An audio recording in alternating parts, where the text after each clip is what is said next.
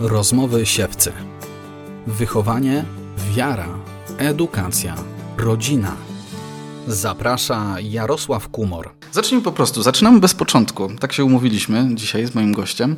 e, Z moją. e, No właśnie, nie ma tego feminatywu. Jest, jest pani gościem po prostu. Ze mną Judyta Kruk, Witam serdecznie. rzecznik prasowy Związku Dużych Rodzin 3, mama szóstki dzieci. Zgadza się, wszystko się zgadza. Związek Dużych Rodzin 3, no i na stanowisku rzecznika mama z dużej rodziny. My mówimy czasami multimama, tak zwana. Multimama, bardzo ładne określenie. Y, To praca, która się łączy z życiem prywatnym. Takie było zamierzenie, rozumiem. E, Można tak powiedzieć, że jest to taka przestrzeń, w której e, mm, mogę. No mam takie poczucie, że moje doświadczenie osobiste ma wartość. I to miało dla mnie znaczenie, kiedy wybierałam e, swój zawód, swoją pracę. Obserwuję rzeczywistość społeczną, sama jej doświadczam. E, W Związku Dużych Rodzin 3 mogę łączyć bardzo wiele ról, a jako mama, multimama potrafię to robić, więc dlaczego nie? Tak jest. Dzisiaj y, porozmawiamy o konfliktach między dziećmi. My często jako rodzice słyszymy, i to bardzo często to w ogóle z, z badań wynika, że może często nie zdajemy sobie z tego sprawy, co nie wiem, 10-20 minut w ciągu dnia y, może być tak, że słyszymy nagle mamo, on na mnie źle spojrzał, a tato, a ona mnie uderzyła, a ona mi coś zabrała i tak dalej, i tak dalej. I nam często jako rodzicom tworzy się po prostu w głowie jedna wielka burza i zaczynamy kipieć w pewnym momencie od tego wszystkiego. Y, No właśnie, jak to jest? Y, Czy słusznie y, stwierdzam, że to jest tak często w ciągu dnia? Tak, właśnie żeby to było tak, że to są tylko takie proste komunikaty, z których można wyciągnąć jeszcze jakieś logiczne wnioski. Najczęściej to są jednak różne dźwięki, krzyki albo hałas, który budzi w nas niepokój, prawda, i powoduje w, nas rodzicach no, taki dyskomfort i zaczynamy mm, przestraszeni, wbiegamy i sprawdzamy, co tam się właściwie dzieje u naszych dzieci. E, rzeczywiście tak jest, że rzadko o tym mówimy, ale ilość konfliktów, która się wydarza między rodzeństwem, y, no to jest po prostu znacząca część y, dnia y, z perspektywy obserwacji rodziców. Y, s- m, Według badań y, pary rodzeństwa, które tak między trzecim a siódmym roku ze sobą y, funkcjonują razem w domu, kłócą się mniej więcej co 18 minut. No to daje już takie wrażenie rzeczywiście i to nie mówimy o takich kłótniach y, które są e, takim, jakimiś niesnasna, niesnaskami, tylko mówimy o takich rzeczywiście konfliktach, które właśnie takich powodują... awanturach, rozumiem, tak? Dokładnie Okej. tak, czyli to są takie realne eskalacje, w których e, brak jest e, przestrzeni na to, żeby po prostu sobie poradzić ze swoimi uczuciami, emocjami i stąd ten głośny hałas albo właśnie trudne słowa, które my jako rodzice słyszymy. To nie znaczy oczywiście, że te dzieci nie potrafią ze sobą potem dojść do porozumienia, natomiast jest ten punkt właśnie takiej eskalacji. To chyba jest tak, że, między że dziećmi jeszcze... u, u dzieci jest huśtawka w takim razie, tak rozumiem, tak? No bo jeżeli sobie to uświadomię, że to się dzieje tak często, no to przypominam sobie też, że to między moimi córkami, które mają 7 i 5 lat, y, no jednak też często są te takie momenty czułości i takiej wspólnej zabawy, czyli po prostu dzieci też się, rozumiem, przystosowują do jednej i drugiej sytuacji bardzo tak plastycznie. Ja bym nawet y, sobie tak pomyślała, że to nie jest huśtawka, dla, bo to by było obciążające, jakbyśmy tak musieli cały czas patrzeć na huśtawkę naszych dzieci. Wydaje mi się, że to jest po prostu pewna norma. E, I to jest coś, czego właśnie sobie nie mówimy, bo z perspektywy dorosłych osób wydaje nam się, że po prostu normą jest, że my po prostu funkcjonujemy w dialogu. Chcielibyśmy harmonii, takiej symetrii, takiego poczucia właśnie wspólnoty. Mamy takie w sobie takie pragnienia, które są bardzo dobre. E, Sami staramy się w ten sposób funkcjonować. Yy, Super, jeśli nam się to udaje w tej parze małżeńskiej, która jest nad naszymi dziećmi.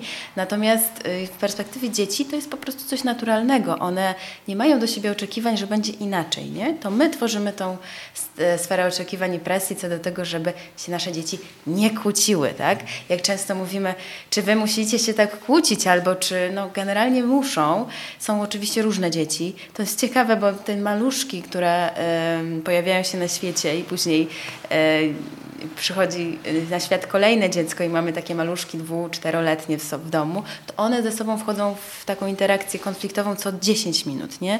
Więc tak naprawdę, jak my sobie przypomnimy e, ten okres, nie wiem, albo się z nim jesteśmy w tym doświadczeniu, to generalnie mamy taki alert ciągle podniesiony, bo my w sumie wciąż jesteśmy, czujemy, że jesteśmy potrzebni tym naszym dzieciom do tego, żeby one mogły się ze sobą tak naprawdę spotykać, nie?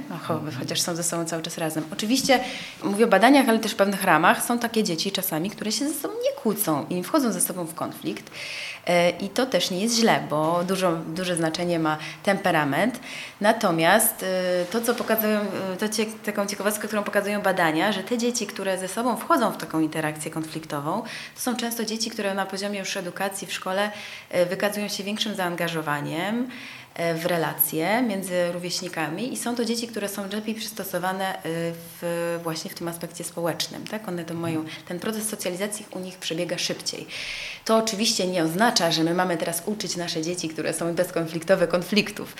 Nie, no, najprawdopodobniej te dzieci będą miały inne zasoby, które w badaniu nie zostały ujęte, ujęte prawda? To tak, to tak bywa, nie? Jakby, jak coś badamy, to jesteśmy tam skoncentrowani na jakiejś konkretnej rzeczywistości. Myślę, że takie dzieci będą miały swoje y, kompetencje, z którymi będą mogły się podzielić. Natomiast to, co z tych badań wynika i co myślę może być wspierające dla nas rodziców, to, że po prostu E, jest to pewna norma, że dzieci e, konfliktów potrzebują, że to jest ich sposób na to, żeby właśnie przystosowywać się do rzeczywistości. Też tak jest, że e, charaktery są bardzo różne. Tutaj płeć ma znaczenie też między dziećmi, różnica wieku, nie? Bardzo wiele czynników, które z ich perspektywy sprawiają, że po prostu ilość bodźców, które do nich dociera i właściwie mm, takich sytuacji, na które one muszą reagować, jest bardzo duża i znacząca i konflikt nie jest niczym złym. Oczywiście e, w już eskalacja tak konfliktu bywa dla nas wyzwaniem i no chyba o tym będziemy właśnie rozmawiać, tak? tak jak tak stworzyć te konflikty, żeby on, znaczy jak obserwować te konflikty, jak modelować konflikty, tak żeby on był wnoszący a nie obciążający dla całego systemu rodzinnego. Bo oczywiście mhm. mówimy o rodzinach, w naszych dużych rodzinach e, też ma znaczenie stan e, emocjonalny mamy, taty i pozostałego rodzeństwa, zwłaszcza jak te różnice są. Tak, ja o tym myślę, bo mm, jeżeli na jednego z rodziców konflikty między dziećmi działają bardziej, na drugiego mniej, no to też y, to się, przy, czy, czy czasami może być tak, że na obydwoje rodziców działa to tak samo, tak samo się tym przejmują, no i to wpływa na relację małżeńską później, nie? Gdzieś tam się odbija. Y, wiem to doskonale po sobie, y, po, po, po swoim domu. Mm, to, co mnie tak ujęło w tym, co pani mówiła y, i od razu zrodziło pewne pytanie, no rodzic słucha tego, no i myśli sobie, ok, czyli nie powinienem czy nie powinnam reagować, kiedy pojawia się konflikt? Kiedy, kiedy właśnie zaczyna się ten moment, kiedy powi, powinienem, powinnam wejść w, te, w tę rzeczywistość, a kiedy nie, kiedy można to zostawić? Bo ja myślę, że wiele, wiele osób z nas, rodziców, ma to doświadczenie jednak wchodzenia za każdym razem w tę sytuację konfliktową. Tak rozumiem, nie zawsze tak trzeba. To jest w ogóle bardzo ciekawe, to doświadczenie bycia rodzicem, bo y, my tak naprawdę mierzymy się w dużej mierze ze sobą, prawda? Z tym naszym sposobem, naszą sposobem przeżywania konfliktu. Jak pojawiają się dzieci i one ze sobą wchodzą w interakcję, to taką ważną umiejętnością to jest umiejętność obserwowania samego siebie, nie?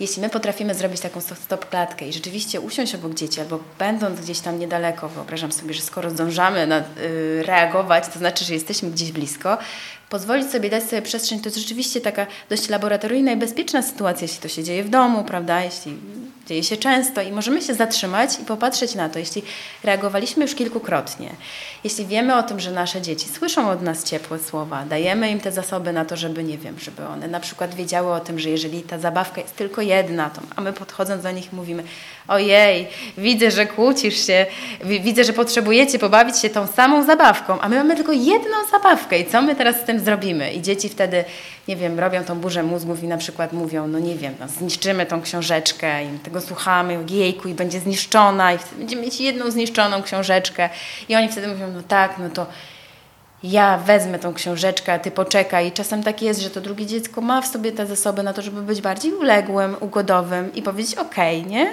A potem my mamy przestrzeń na to, żeby wrócić do tej sytuacji i powiedzieć, to może teraz twoja kolej, nie? Jeśli robimy takie rzeczy, to myślę, że warto jest sprawdzić, czy nasze dzieci mają przestrzeń na to, żeby same eksplorować te umiejętności, które my im przekazujemy. I wtedy rzeczywiście ogromnym zasobem dla naszych dzieci i dla nas jako rodziców jest taka umiejętność zatrzymania siebie i pozwolenia dzieciom na to, żeby im się też nie udawało, żeby one popełniały błędy w tych konfliktach, ale żeby one miały przestrzeń nie popełniać.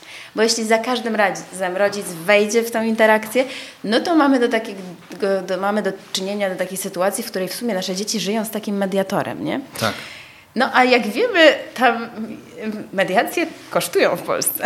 Chyba, że dzieją się z już naprawdę trudnych powodów. Czyli rozumiem, może się nam dziecko tak przyzwyczaić do mediacji, że później będzie się wykosztowywać na mediatora w dorosłym życiu. A tego byśmy nie chcieli. Oczywiście troszeczkę sobie żartujemy, ale też yy, nie jesteśmy w pewnym sensie specjalistami yy, wobec swoich dzieci. Nie jesteśmy ich rodzicami i yy, to, co jest ogromnym zasobem, to jest takie też umiejętność przyjmowania tych naszych dzieci z tymi różnymi temperamentami, z różnymi zasobami. I potem rozmowa z nimi, czasami indywidualna, właśnie nie wchodzenie w ten konflikt, kiedy on jest taki bardzo gorący. Oczywiście nie mówię o rękoczynach i o takich sytuacjach, kiedy dochodzi, kiedy mamy poczucie, że dzieje się coś już takiego, e, kiedy, nie wiem, między naszymi dziećmi jest taka duży, wysoki poziom agresji. No każdy rodzic też czuje swoje granice i, i musi reagować w zgodzie ze sobą. Natomiast bywa tak, że te nasze granice mm, dotyczą na przykład tego, że denerwuje nas hałas że wcale nie chodzi o to, tak, że my, jesteśmy, nie mamy wyporności na te słowa, które gdzieś empatyzujemy z naszymi dziećmi i w sumie widzimy, że mają rację, że konflikt jest poważny, a denerwuje i złości nas to, że jest hałas, nie? albo jesteśmy po prostu zmęczeni. My sobie często tego nie uświadamiamy, Dokładnie. że denerwuje nas hałas. Tak naprawdę nie wiemy, co tak wpływa na, na nas, że się gotujemy nagle, kiedy, kiedy dzieci co chwila, co chwila, co chwila są w konflikcie, nie? I to sprawia, że jest głośno. Tak, i że y, nasz system nerwowy też jest pobudzony. Więc jeśli na przykład jesteśmy w domu z dziećmi cały dzień y, i to jest... Y, I mamy taki odruch po prostu, że jak słyszymy pewien rodzaj dźwięków, to reagujemy, no to ja proponuję wtedy wziąć do ręki kawę, powąchać ją, włączyć sobie muzykę, skupić się na tym, co dzieje się za oknem, rozejrzeć się i jakby nie wyłączając całkowicie swojej dorosłej części, jednak przyjrzeć się temu, że gdzieś to, jest, to nas dotyczy, nie? że potrzebujemy trochę spotkać się ze sobą i odpocząć. To da się robić y, drobnymi, y, drobnymi właśnie krokami. My sobie czasem wyobrażamy, że y, że doświadczenie to będzie nam dawało po prostu taki, mm, taką, takie narzędzia techniczne, że my w zasadzie będziemy wiedzieli, co powiedzieć, co zrobić. No, myślę, że doświadczenie pokazuje nam, że umiejętność uspokajania samego siebie i dawania sobie przestrzeni to jest coś takiego, co jest najważniejsze w życiu rodzica, bo ono nam daje czas, szansę na to, żeby raz nie ingerować za często w sumie życie innych osób, innych ludzi. Jak tak sobie pomyślimy o tym, że właściwie przy nas dorosną yy, młodzi ludzie, nowi ludzie, którzy będą żyli samodzielnie pewnego dnia i potrzebują jakiejś przestrzeni autonomii, to nawet już yy, bycie z takim niemowlaczkiem i noworodkiem y, to już jest takie miejsce, gdzie możemy ćwiczyć tą umiejętność dawania przestrzeni naszym dzieciom, bo też kiedy ten dzidziuś się rodzi, pojawia na świecie, to taki mamy odruch,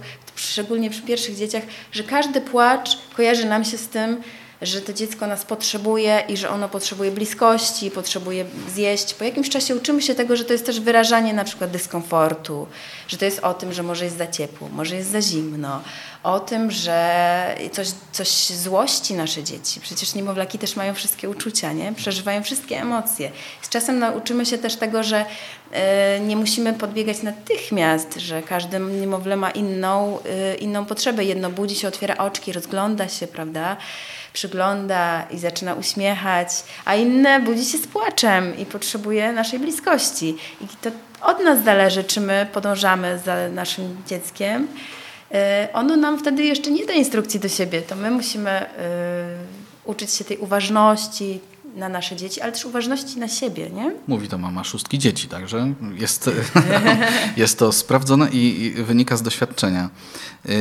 To, co mm, dla mnie też ważne, y, jeżeli chodzi o zostawianie dzieci w, w, sytuacji konfliktowej, bo rozumiem, tak, ustaliliśmy, że nie w każdą taką sytuację musimy wchodzić, tak samo jak w nie każdy płacz niemowlaka musimy od razu jakoś ingerować i, i, i, i nim się tak gdzieś tam przejmować, mieć to Nie zawsze przekonanie. ta ingerencja jest taka sama, nie? To mhm. chciałam powiedzieć, no że tak. to jest takie ważne, żeby dobierać y, środek do potrzeby dziecka, a nie, nie, do naszej potrzeby. Nie, nie, nie to już w ramach gdzieś tam dygresji, ale na pewno słuchają nas też, myślę, rodzice niemowlaków. Nie zawsze jest tak, że trzeba je podnieść, czy wziąć na ręce i tak dalej. To rozumiem, że o to, o to tutaj chodzi tak w praktyce. Myślę, że jeśli mamy taki odruch, to zawsze lepiej to zrobić, nie? Mhm. Jeśli mamy dyskomfort i nie jesteśmy przekonani, co się dzieje, to na pewno bliskość zawsze niemowleczkowi pomaga. Natomiast jeśli jesteśmy absolutnie przemęczone, czasem tak mam, że jak odwiedzamy mamy właśnie tak e, około porodowo, I, I one w takim absolutnym zmęczeniu podchodziły do tego swojego niemowleczka, który dopiero co otworzył oczy,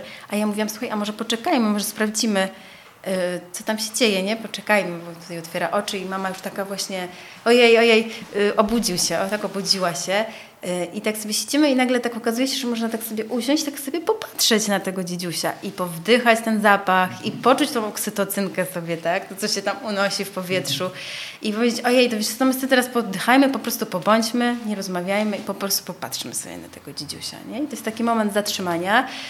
I później, jak on się zaczyna tak już wiercić i tak e, coś skamleć, i tak możemy się przyglądać, czy on teraz chce właśnie przewinąć się, czy zjeść, czy co. Dać sobie taki czas na to. Rzeczywiście tak jest, że przy niemowlakach najczęściej w ogóle po prostu myślimy o nich bardzo dużo. To jest też taki moment niemalże zakochania, nie? że tak się bardzo na nich koncentrujemy. Natomiast tam już jest przestrzeń na to, żeby uczyć się tej uważności, która nam się potem przyda, kiedy ten dzidziuś zacznie krzyczeć usiądzie przy swojej zabawce i zacznie rzucać książeczką, nie? I będzie się złościł. I jeśli się tego nauczymy wcześniej, to po prostu będziemy mogli praktykę mieć dłuższą. No tak. No, no i właśnie, tutaj przechodzimy do tej praktyki, kiedy te dzieci mają, zakładam, ja pójdę po linii moich dzieci, mają 7, 7 5 i 3 lata. Mm -hmm, to no burza, i, brzmi jak burza. Y, no, no potwierdzam. no i właśnie, i teraz mm, jest taka burza w, tej, w takiej grupce, ta grupka mi gwarantuje burzę. Nie muszę wchodzić za każdym razem w taki sam e, sposób w tę sytuację konfliktową. Czy e, jest tak, że nieraz mogę w ogóle odpuścić i poobserwować, co, co się dzieje? Rozumiem, że to pewnie zależy od sytuacji. Ja myślę, że w ogóle obserwacja jest kluczowa, bo ona daje e, nam zestaw danych i wiedzy.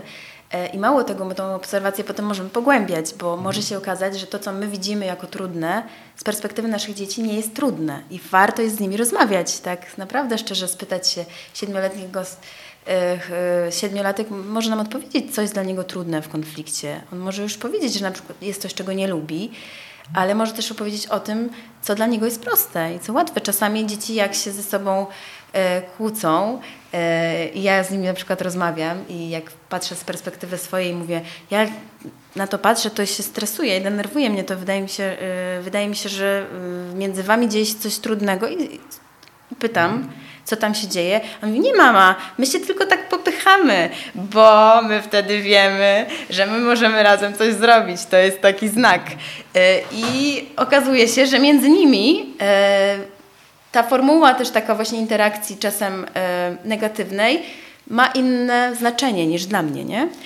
Ale też rozmowa o tym pomaga rozładowywać napięcie, bo oni mogą też szukać innych sposobów, nie? Oni też wiedzą, dają informację zwrotną z drugiej strony, że wzbudza to mamy niepokój, tak? Czy jakieś tam zaciekawienie, czy w ogóle mama wchodzi w interakcję. Może oni nie chcą tej interakcji ze mną, nie? Mają też przestrzeń na to, żeby się temu poprzyglądać sami i zdecydować, czy, czy chcą to robić. Ja mam taką zasadę, że są pewne rzeczy, których na przykład nie robimy w salonie, nie? Żeby jednak zachować e, taką proporcję przestrzeni, gdzie jest hałas, a gdzie nie ma, nie? Chłopcy nie mogą grać w piłkę w swoich pokojach, tylko w przedpokoju, nie mogą e, skakać Y, z kanapy.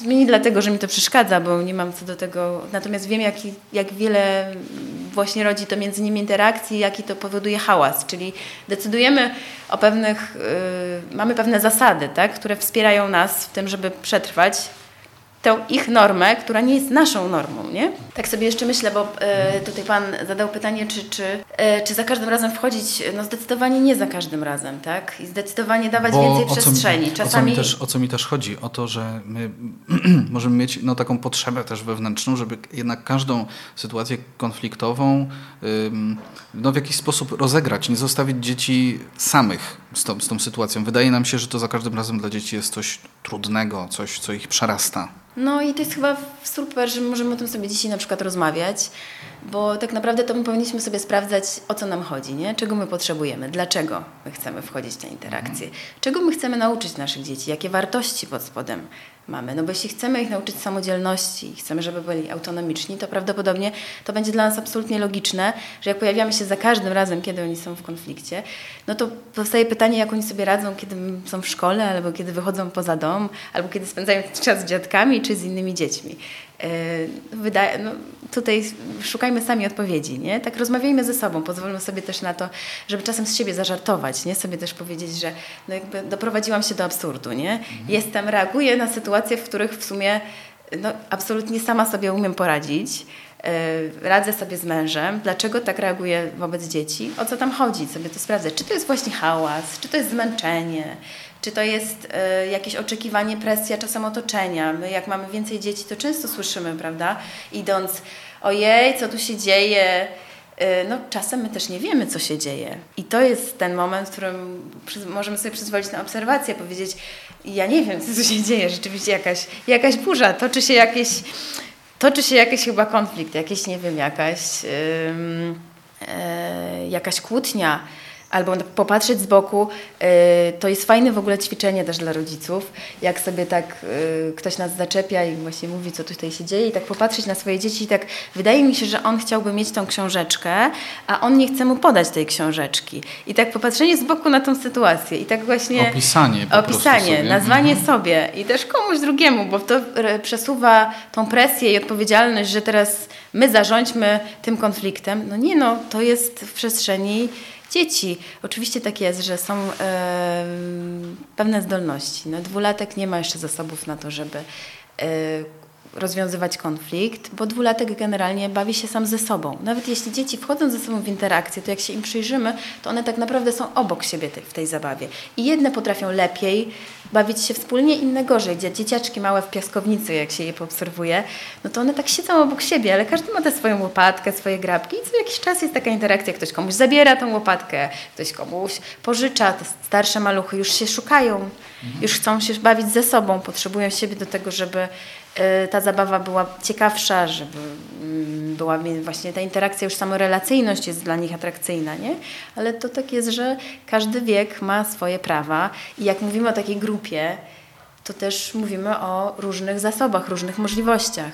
Trochę tak jest, że czasami wtedy zbyt duże oczekiwania mamy do tego najstarszego dzieciaka, tak się najczęściej zdarza, nie? że wymagamy od niego, żeby on jednocześnie rozumiał właśnie dwulatka, był empatyczny w stosunku do pięciolatka, a sami nie mamy zasobów na to, żeby pomieścić ten hałas, który się zadziewa w domu, nie? To też no tak jasne. fajnie jest powiedzieć sobie i tak po prostu czasem klepnąć to starsze dziecko i powiedzieć, wiesz, ja też jak tego słucham wszystkiego, to po prostu trudno mi jest... E... No właśnie, bo różne role nasze dzieci przyjmują przyjmują, czy w różnych rolach my je też postrzegamy w domu. Y, ma pani tak ze swoimi dziećmi, że y, jedno ma trochę taką łatkę agresora, który częściej w jakieś sytuacje konfliktowe wchodzi, czy je generuje, przynajmniej w naszej opinii, nie wiem, z naszych obserwacji.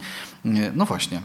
A, a, a drugie to jest bardziej to takie, nie wiem, często atakowane, ale być może, które prowokuje tak trochę w niewidoczny sposób i tak dalej. No, są takie różne teorie, prawda? Przede wszystkim dzieci się rodzą w pewnej kolejności, więc mamy dziecko najstarsze, starsze, jest dziecko drugie, jest dziecko trzecie, czwarte, środko, tak, dzieci środkowe, dziecko najmłodsze. To rodzi pewną dynamikę rodzinności. Natomiast moment, w którym ja zaczynam postrzegać jedno ze swoich dzieci jako dziecko, które jest dla mnie trudne, i zaczynam przypisywać mu różne cechy, no to jest taki moment, w którym sobie myślę, ok, to jest chyba czas, żebym ja się z nim spotkała sam na sam. Bo yy, z jakiegoś powodu um, on się znajduje w takiej dynamice i ta odpowiedzialność jest zawsze po stronie rodziców. Nie? Jeśli nasze dziecko y, w ten sposób sobie radzi z problemami, to prawdopodobnie nie ma przestrzeni na to, żeby poradzić sobie inaczej. Dla mnie to jest taki moment na one-to-one, czyli tak zwane wyjście z, ze swoim dzieckiem, pójście, spędzenie z nim czasu sam na sam. Czyli nie jest tak, że po prostu ona, on się taki urodził i już tak ma po prostu. Prawdopodobnie nawet jeszcze jest, ja sobie robię taką, takie ćwiczenie, sobie myślę, o jejku, jak musi być, trudno w tej rodzinie, nie? Jejku, jak my musimy być dla niego trudni, że on w ten sposób reaguje. I zaczynam z nim empatyzować, wyobrażam sobie, próbuję sobie y, pomyśleć, postawić się w jego sytuacji, myśleć, jejku, rzeczywiście mieszkać z trzema młodszymi braćmi. Był taki moment, kiedy nasz e, dzieci mieszkały w takim dużym pokoju, właśnie czterech chłopców razem i to był taki moment, w którym po prostu e, postawiliśmy ścianę między nimi, nie? że po mhm. prostu to był moment, w którym podzieliliśmy pokoje, bo to się przestało sprawdzać i pokaz pokazują to dzieci. Dzieci są jak papierek lakmusowy, one dają nam informację zwrotną o tym, co dzieje się w rodzinie też, nie? Więc e, myślę, że e, jeśli obserwujemy u siebie w domu takie role, to warto zrobić zamieszanie i spróbować wyjść poza te role, bo to nie jest dla nikogo fajne, nie? dla nikogo twórcze. My nawet w swoich rolach zawodowych nie lubimy być oceniani tak przez pryzmat jedno, y, taki jednowymiarowy, nie? Mamy takie oczekiwanie, żeby być, być traktowani w ten wielowymiarowy sposób, nie? Bo wnosimy coś w zespół, jesteśmy jego częścią, nie tylko rzecznikiem. Ja też tutaj wnoszę swoje kompetencje miękkie, ja też mam swoje umiejętności tworzenia zespołu. E, to wszystko ma e, znaczenie dla miejsca, w którym się znajduję. Podobnie naszych dzieci. No, jeśli my mówimy, nazywamy sobie dziecko w jakiś jeden konkretny sposób, to prawdopodobnie utknęliśmy w jakimś ślepym zaułku. Jesteśmy w jakimś tunelu, który nas wszystkich męczy. I to my, jako rodzice, możemy coś z tym zmienić. Y, czasami pomaga naprawdę zmiana y, taka behawioralna, y, zrobienie przemeblowania, danie więcej przestrzeni temu dziecku, które wydaje nam się, że właśnie jest takie bardzo wchodzące w interakcję. Może ono nie ma miejsca dla siebie, nie? W takich mhm. dużych rodzinach czasami tak jest, że yy, ustalamy jakieś właśnie pokoje. Wiem, że w dużych rodzinach rodzice korzystają z takiej funkcji, że oni czasami na przykład yy, zmieniają dzieci, yy, które mieszkają razem w pokojach, jeśli te pokoje dzielą. No tak. Po prostu okazuje się, że w pewnym momencie jakaś Trzeba dynamika relacji się zrobić. wyczerpała i potrzeba oddechu. Trzeba wpuścić powietrze. I oczywiście sposób, w jaki to robimy, jest bardzo ważny, nie? bo to my wiemy, dlaczego to się dzieje, ale ogólnie chodzi o to, żeby wpuścić powietrze też w relacje naszych dzieci, bo one mają szansę się ze sobą lubić, mimo tego, że się ze sobą konfliktują, tak jak powiedział Pan wcześniej, że te konflikty są wymienne wobec tych czułości. Czasami tak jest, że w domu wydaje nam się, że nasze dzieci to w ogóle właśnie ciągle wchodzą w tą taką trudną interakcję, tam się tyle dzieje trudnego, a wychodzimy na zewnątrz, pojawia się sytuacja placyku zabaw i tam oni są kumplami i w ogóle świat wobec nich e, to jest coś takiego, gdzie oni trzymają swoją wspólną sztamę.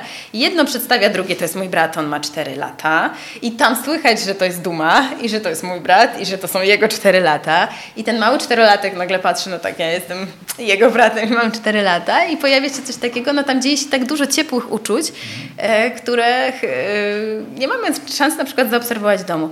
Jaka rada? No częściej wychodzić na plac zabaw może wtedy może oni potrzebują więcej przestrzeni, może to, co dzieje się w domu, może ta nasza obserwacja, może ta, ta intensywność naszej obecności czasami dla nich jest trudna też.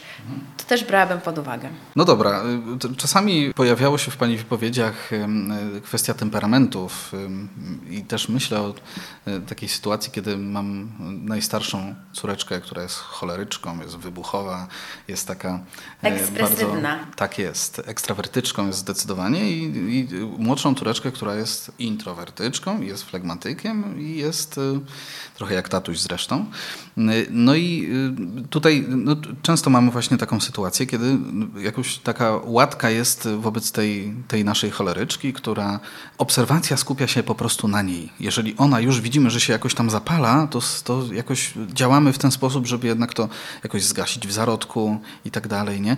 I myślę, że jako rodzice możemy mieć tę tendencję trochę też takiego mm, no, patrzenia przez pryzmat tych temperamentów na tę sytuację, ale rozumiem, że temperamenty też są taką przestrzenią, która nam może dużo podpowiedzieć po prostu, jeżeli chodzi o konflikty y, między dziećmi, no możemy się już czegoś tam y, spodziewać. No właśnie, w takiej konfiguracji, kiedy mamy y, w zasadzie przeciwieństwa, nie? Mamy choleryka, flegmatyka, co, co nam to może powiedzieć już na samym początku?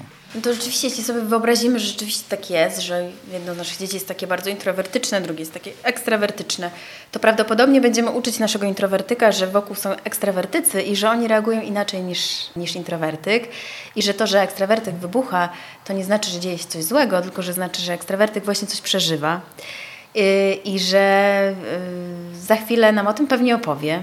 I w sumie to pewnie będzie coś ciekawego dla introwertyka, który, za, y, który te sprawy załatwia sobie w środku, wewnętrznie.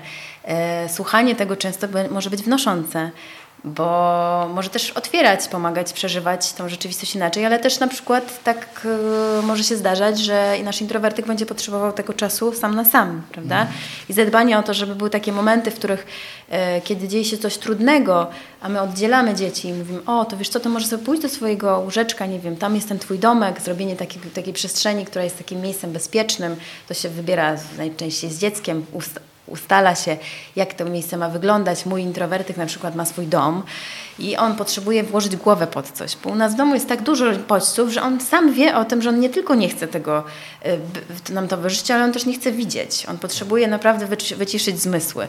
I kiedy dzieją się takie naprawdę trudne rzeczy dla niego, no to ja mówię, słuchaj, to może chodźmy, pójdziemy, zrobimy sobie twój dom, nie?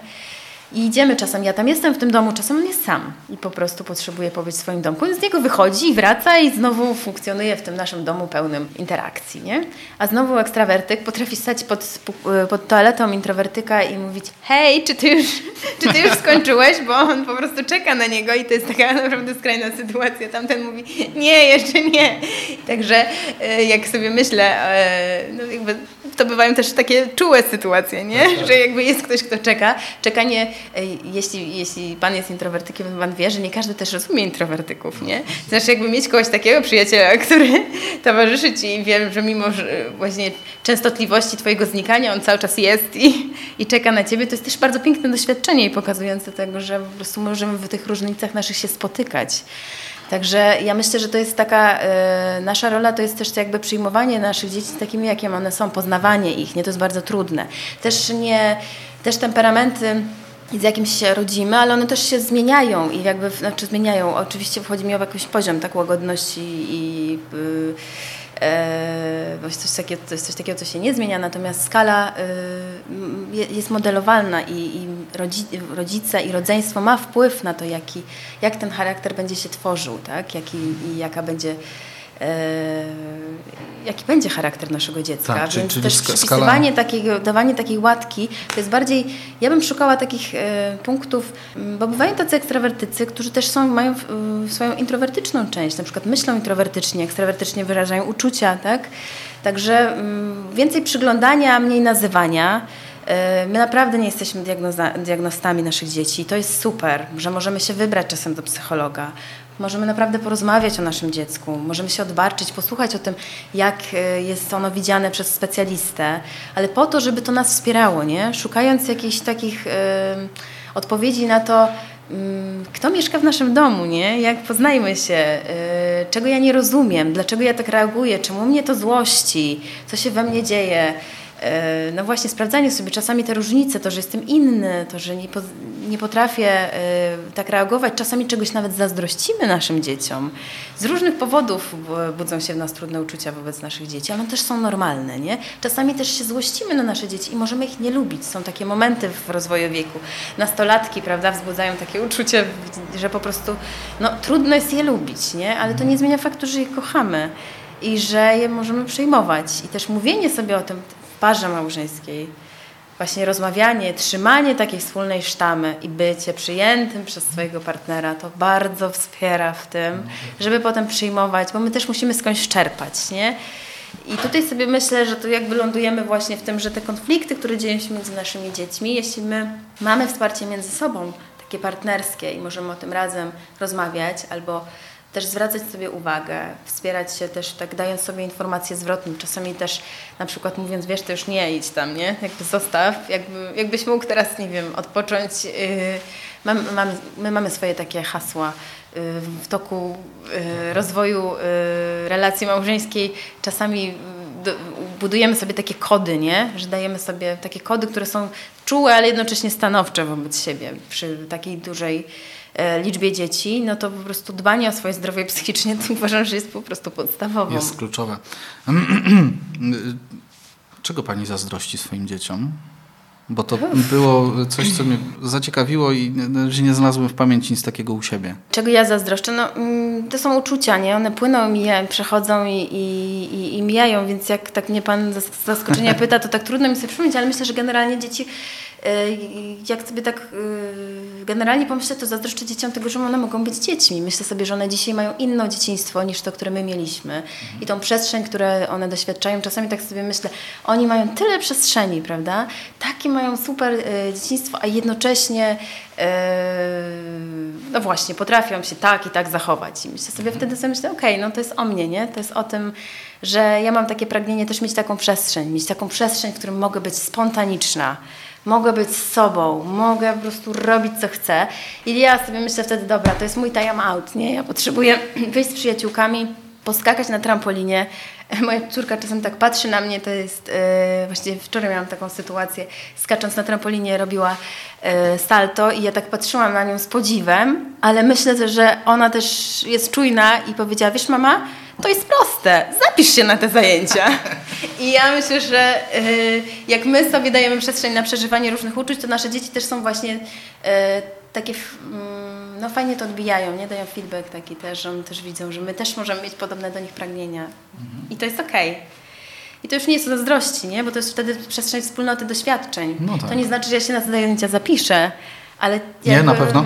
Nie wiem tego jeszcze, nie podjęłam decyzji, to pytanie padło wczoraj, natomiast yy, myślę, że to buduje taką przestrzeń, że ojej, że my się w czymś spotykamy, mamy podobne pragnienia, robimy różne rzeczy, też jesteśmy obydwie aktywne, potrzebujemy ruchu do tego, żeby właśnie odpoczywać. Zasadniczo od, od choleryka i flegmatyka przeszliśmy do ekstrawertyka i introwertyka i, i, i pewnie jest to takie właśnie mniej oceniające, e, tak myślę. E, no i teraz jeżeli, mm, przynajmniej tak, tak jest u mnie w domu, e, kiedy mamy rzeczywiście jakąś reakcję ze strony tego ekstrawertyka, taką bardzo emocjonalną e, i, i to, jest, to jest wybuch, to jest często burza i tak dalej, to później dążymy do tego, żeby tutaj pojawiły się przeprosiny żeby po prostu ta sytuacja znalazła swój finał w słowie przepraszam.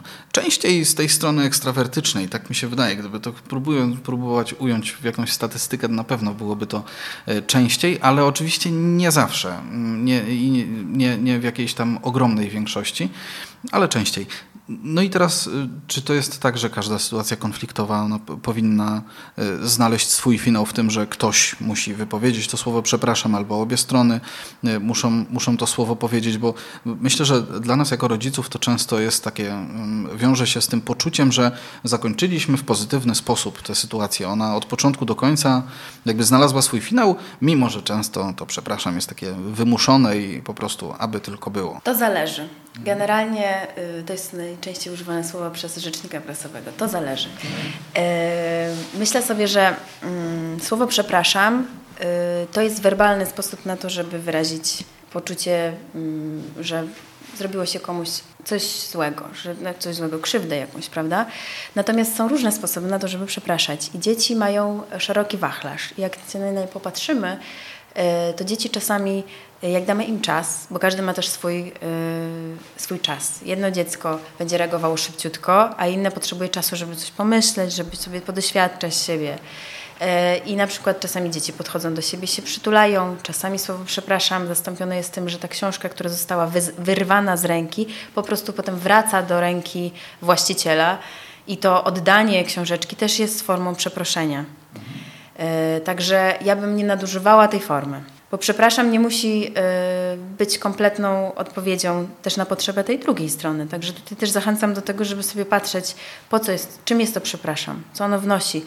Bo y, my dorośli potrzebujemy często słów i nazwania, ale też jak rozmawiamy ze sobą, to słowo przepraszam bywa niekompletne, nie? Mamy takie oczekiwanie, żeby ktoś raczej na przykład przyjął nas z uczuciami swoimi trudnymi, które teraz mamy po tej sytuacji, żeby nas wysłuchał, żeby posłuchał o tym, co się w nas wydarzyło, jak my się teraz czujemy, co nas denerwuje i jakie mamy oczekiwania, żeby było w przyszłości. To jest dla nas ważniejsze niż ktoś, niż usłyszenie tego słowa przepraszam. No, mamy swoje doświadczenia pewnie tutaj konfliktów małżeńskich i czasami to słowo przepraszam to po prostu jest takim wytrychem też, wkurza nas bardziej niż wnosi coś do relacji. Jakby czerpmy z tego naszego doświadczenia dorosłego, bo mamy na sobą wiele takich sytuacji, kiedy byliśmy przeproszeni, bo ktoś był do tego na przykład przymuszony albo czuł się przymuszony i to wcale nie jest wnoszące do tej relacji. To tak naprawdę tą relację na końcu obciąża, bo to nie daje właśnie tego poczucia bycia w relacji, nie? to nie tworzy więzi. Więc jeśli chodzi o malutkie dzieci, to ja bym tutaj była ostrożna i w ogóle wymuszanie nie jest fajną formą. Jeśli my wymuszamy coś na naszych dzieciach, to uczymy je też wymuszania. Później trudniej będzie nam mówić, nie wymuszaj na siostrze, czy tam bracie, tego i tamtego, no bo jakby to jest technika, którą dostało to nasze dziecko, no to ona po prostu ją ma, korzysta z niej, tak? E, oczywiście kurczę, popełniamy błędy, nie? I tak, tak się zdarza. Natomiast rozmowa o, tym, rozmowa o tym potem z dzieckiem i powiedzenie, wiesz, ja widziałam, że ty tak naprawdę nie, nie przepraszałeś i w sumie to ja cię przepraszam, że ci kazałam to zrobić. Co ty potrzebujesz, żeby no mówię o starszych dzieciach, nie z dwulatkiem tak nie będziemy rozmawiać. E, co ty potrzebujesz, żeby powiedzieć przepraszam swojej siostrze. Może czasu rozmawianie o tym, słuchanie, w ogóle umiejętność słuchania naszych dzieci. Naprawdę y, czasami dzieci potrzebują y, pół dnia na to, żeby spotkać się z sytuacją, która się wydarzyła. Y, I to my, rodzice, mm, jesteśmy w stanie tylko stwierdzić, ile to nasze dziecko czasu potrzebuje. Tak?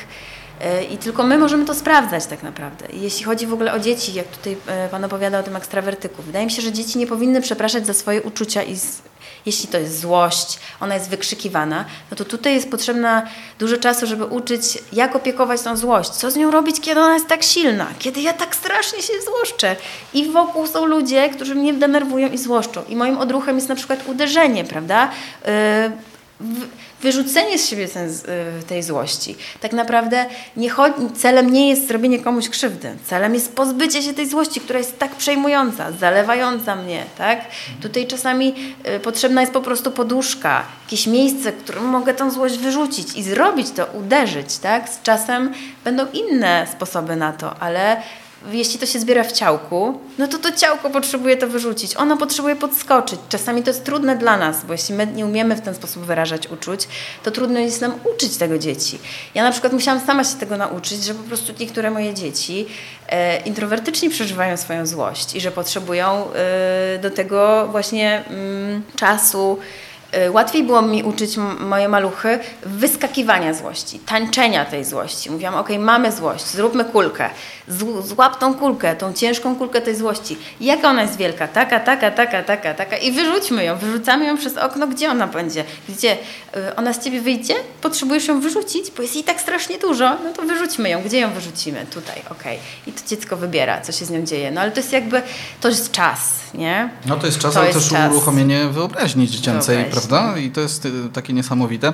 To wszystko zakłada, bo tego się świetnie słucha. Mhm. I to mhm. wszystko zakłada, że my jako rodzice jesteśmy z dziećmi rzeczywiście na 100% w tym czasie, nie wiem, po pracy w domu y, i tam nie ma przeładowania ekranem, tam nie ma, nie wiem, jakichś przestrzeni, w których my jako rodzice też y, uciekamy, no bo myślę, że mogą się w nas rodzić dwie postawy w ogóle w takim czasie, który mamy z dziećmi w domu i właśnie tych konfliktach, które w tym czasie obserwujemy, doświadczamy ich. Z jednej strony dajcie mi święty spokój wreszcie, przestańcie, nie wiem, przychodzić, skarżyć i tak dalej. To jest jedna sprawa. A druga, chcemy poszukać jakichś technik radzenia sobie z tymi rzeczami.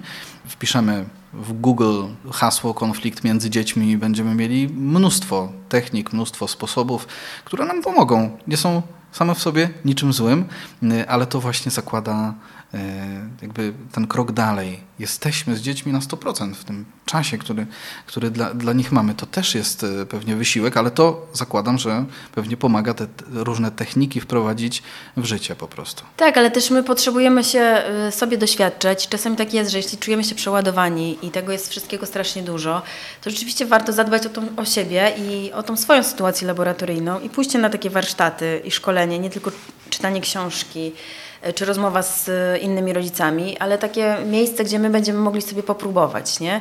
I nie będą to nasze dzieci, nie będziemy musieli się na nich uczyć. Się, ja się czasem śmieję, że to pierwsze dziecko to powinno dostawać ustawowo e, rentę, prawda? Bo ono po prostu na nich wszyscy rodzice się, po prostu się uczą i tak jest, no. Ono po prostu jest tym naszym poligonem doświadczalnym. My się rodzicem nie rodzimy, my się rodzicem stajemy i to właśnie przy tym naszym pierwszym dziecku, więc jakby wdzięczność do niego jest ogromna, bo tam się tworzą różne rzeczy, nie, nie tylko on powstaje, ale też my powstajemy jako rodzice. E, więc mm, myślę, że po prostu takie sprawdzanie sobie, mm, uczenie się siebie, uczenie się tego, które techniki nam też odpowiadają, nie? czyli właśnie chodzenie na warsztaty. No i chyba taka kluczowa informacja, że my, e, kiedy konflikt e, się zadziewa, to nie jest czas na pracę nad konfliktem. Wtedy, jak już on się wydarza, no to jakby to jest moment eskalacji tam my możemy albo wejść w ten konflikt, albo się temu przyjrzeć, poczekać, popatrzeć, jak on się przetoczy, czym się skończy, kto przyjdzie do nas z płaczem, a może nie przyjdzie. E, I dlaczego ten ktoś płacze? Bo nam się czasem wydaje, że płacze dlatego, że została zabrana mu zabawka. No nie dlatego płacze, tylko płacze dlatego, że jest mu smutno, że brat nie chce się z nim bawić. I w ogóle konflikt dotyczy czegoś innego. Nie dotyczy wyrywania sobie książeczki, tylko dotyczy tęsknoty za tym drugim. I tam raczej jest potrzeba nauczenia tego, że usiądźmy razem z tą książeczką, niż uczenia raz siedzisz ty z tą książeczką, raz ty z tą książeczką. Możemy tak w zupełnie inny sposób zinterpretować konflikt, nie? Natomiast y, uczenie rozwiązywania konfliktów zadziewa się przed konfliktami, czyli w tych momentach spokoju, czyli w tych momentach, kiedy nie ma krzyku, kiedy nie ma hałasu, kiedy my ze sobą rozmawiamy, kiedy możemy mówić, kiedy możemy sobie usiąść i nie wiem, zrobić listę sposobów rozwiązywania konfliktów. My tych kartek zrobiliśmy miliony i one są za każdym razem inne i one do nich trzeba wracać. Czyli to nie jest razem... tak, że zrobię raz taką kartkę i dziecko nie. ma się tego trzymać. Nie, no w ogóle to jest część e, rodzicielstwa. On nam o tym nikt nie mówił, że to tak będzie wyglądać. Ale mówiąc o tych też momentach, no ja sobie nie wyobrażam być non-stop ze swoimi dziećmi, bo to by było wariactwo, nie?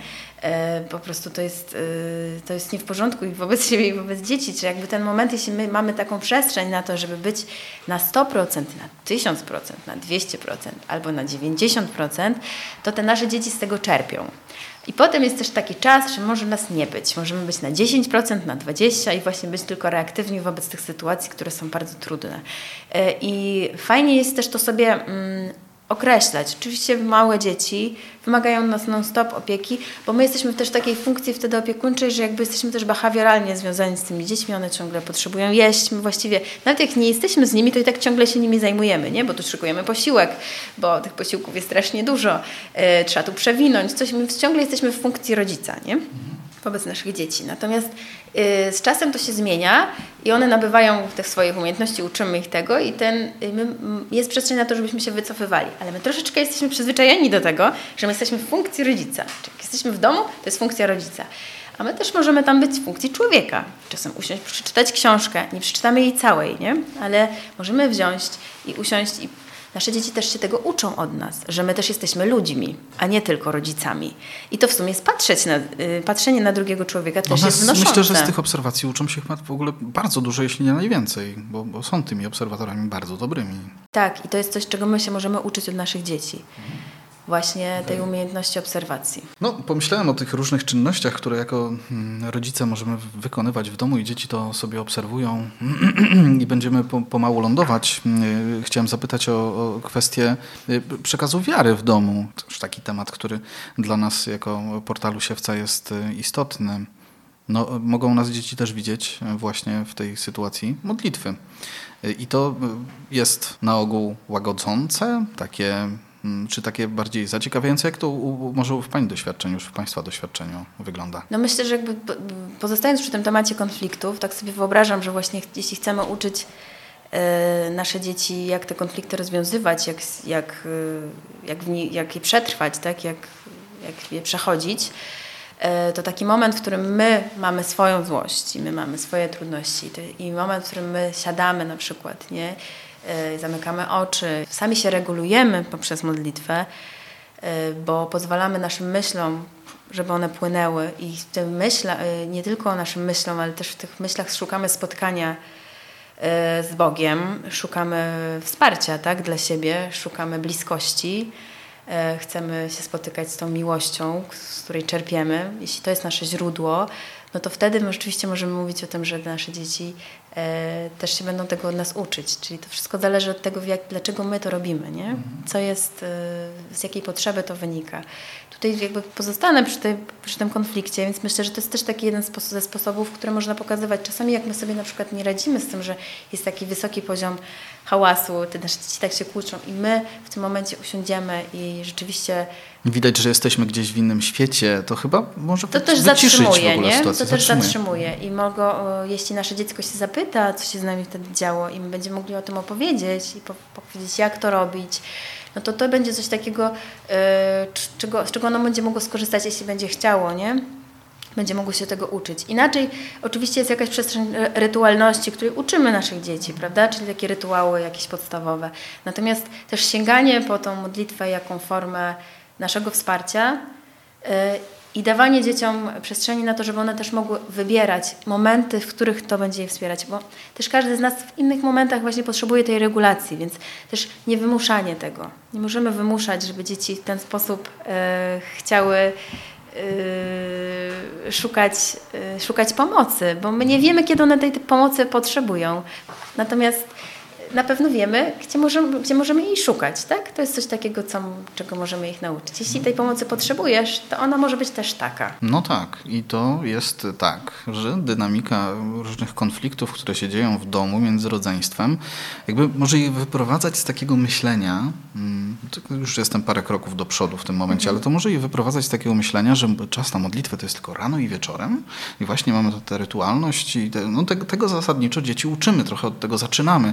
Rozumiem to w ten sposób, że y, jakby trud relacji takiej w ciągu dnia, on może też przestawiać to myślenie właśnie na te tory, że nie, nie, nie, no nie tylko rano i wieczorem właśnie, może to jest dla ciebie sposób też na to, żeby, żeby wyciszyć emocje, uspokoić się i, i to też jest przestrzeń dla ciebie na modlitwę. No cały dzień jesteśmy też istotą duchową, czyli najfajniej jest, kiedy my mamy sami ponazywane różne rzeczy i jesteśmy wewnętrznie zintegrowani i wiemy, jak, jak jesteśmy bardzo skomplikowaną i złożoną istotą. E, I wtedy możemy też to pokazywać naszym dzieciom e, i pokazywać, jak w różnych momentach możemy czerpać z tych naszych różnych przestrzeni, nie? Właśnie, że, że i ta uczuciowość nasza, i emocjonalność, i nasza racjonalność, i nasza duchowość, one wszystkie pływają, jakby są ze sobą połączone i są w różnych momentach, możemy się opierać na różnych na tych naszych dwóch nogach, nie? Czasami stoimy na tej mocniej, czasem na tej, czasem potrzebujemy stanąć na wszystkich, a czasami jeszcze potrzebujemy się przytulić, żeby się uregulować i w, tej, e, i w tym przytuleniu e, też możemy wspólnie razem, to jest jakieś moje takie doświadczenie z dzieciństwa, że moja mama po prostu czasami mm, jakiejś swojej bezradności też myślę, przychodziła do mnie, przytulała mnie i mówiła, może się pomodlimy razem. To był jej sposób na to, żeby być mi towarzyszyć w jakichś trudnych momentach. Nie? To było coś takiego, co ona wniosła w moje życie, że, e, że że ja czułam, że to jest jakiś taki moment naszego spotkania, ale jednocześnie takiej właśnie łagodzący ten trud, który y, i moje emocje, i moje myśli, i, i całą moją głowę zapełniał i jakiś taki właśnie moment po prostu wyjścia troszeczkę poza, poza sferę tu i teraz i popatrzenie w górę i perspektywę taką długoterminową. Mm.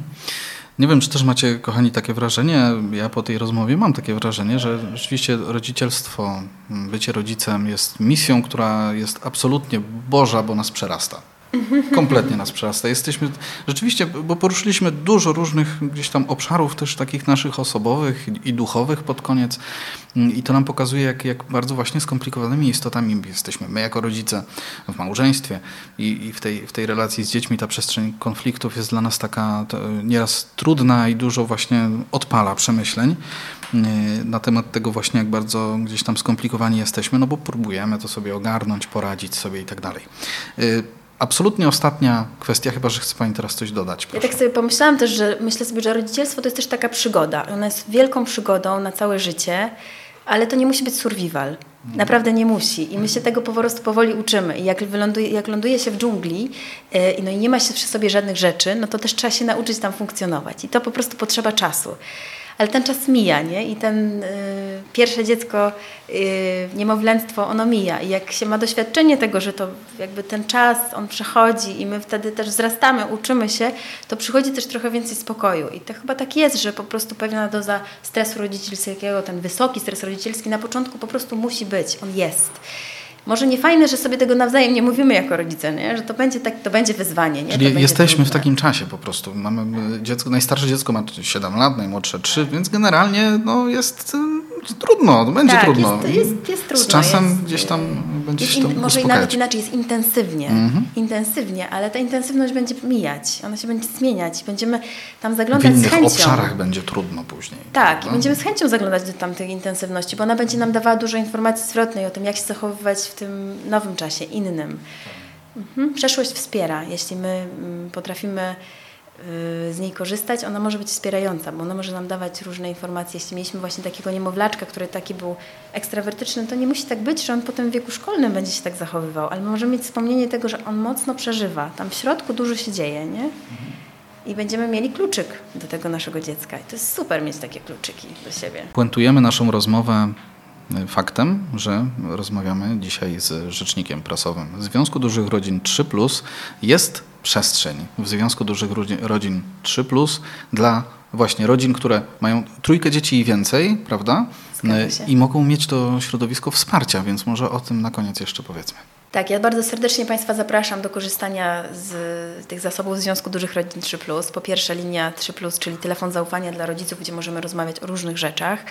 Oczywiście e, Akademia Talentów dla młodzieży, ale także y, warsztaty komunikacji w parze. To jest taki duży temat, który poruszamy właśnie, jak się ze sobą komunikować w relacji y, małżeńskiej. Y, no i zjazdy dużych rodzin 3, czyli takie miejsce spotkań. Na tych zjazdach rodzice spotykają się ze sobą we w tej swojej wspólnocie doświadczeń, ale także jest przestrzeń właśnie warsztatowa i dla dzieci, i dla młodzieży. To się dzieje, odbywa w różnych częściach Polski.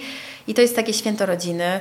E, gdzie możemy praktykować e, i wypróbować siebie, ale też wymieniać się między sobą doświadczeniami i też korzystać właśnie z tego, o czym mówiłam, no bo my potrzebujemy też swojego warsztatu e, i myślę, że takie wspieranie siebie właśnie wśród dużych rodzin, my tak często mówimy o sobie, że jesteśmy soczewką potrzeb, że my rozumiemy doskonale rodziców pierwszego dziecka, drugiego dziecka, bo my sami przechodziliśmy przez te etapy i lądujemy jako trzecie y, z tym trzecim dzieckiem. Często tak jest, że osoby, które w Związku Dużych Rodzin Plus funkcjonują, wyjeżdżają z nami na te zjazdy, same lokalnie wspierają inne rodziny.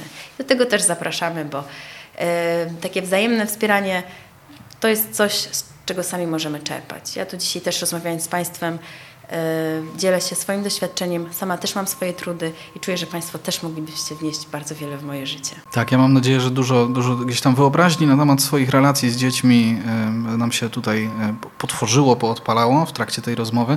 Naszym gościem, moim gościem dzisiaj była pani Judyta Kruk ze Związku Dużych Rodzin 3, rzecznik prasowy tego związku, ale też doświadczona mama, mama szóstki dzieci. Bardzo dziękuję za to spotkanie. Dziękuję serdecznie. Pozdrawiam Was bardzo serdecznie serdecznie i do usłyszenia. Rozmowy siewcy dostępne są na naszym portalu siewca.pl oraz w serwisie Spotify.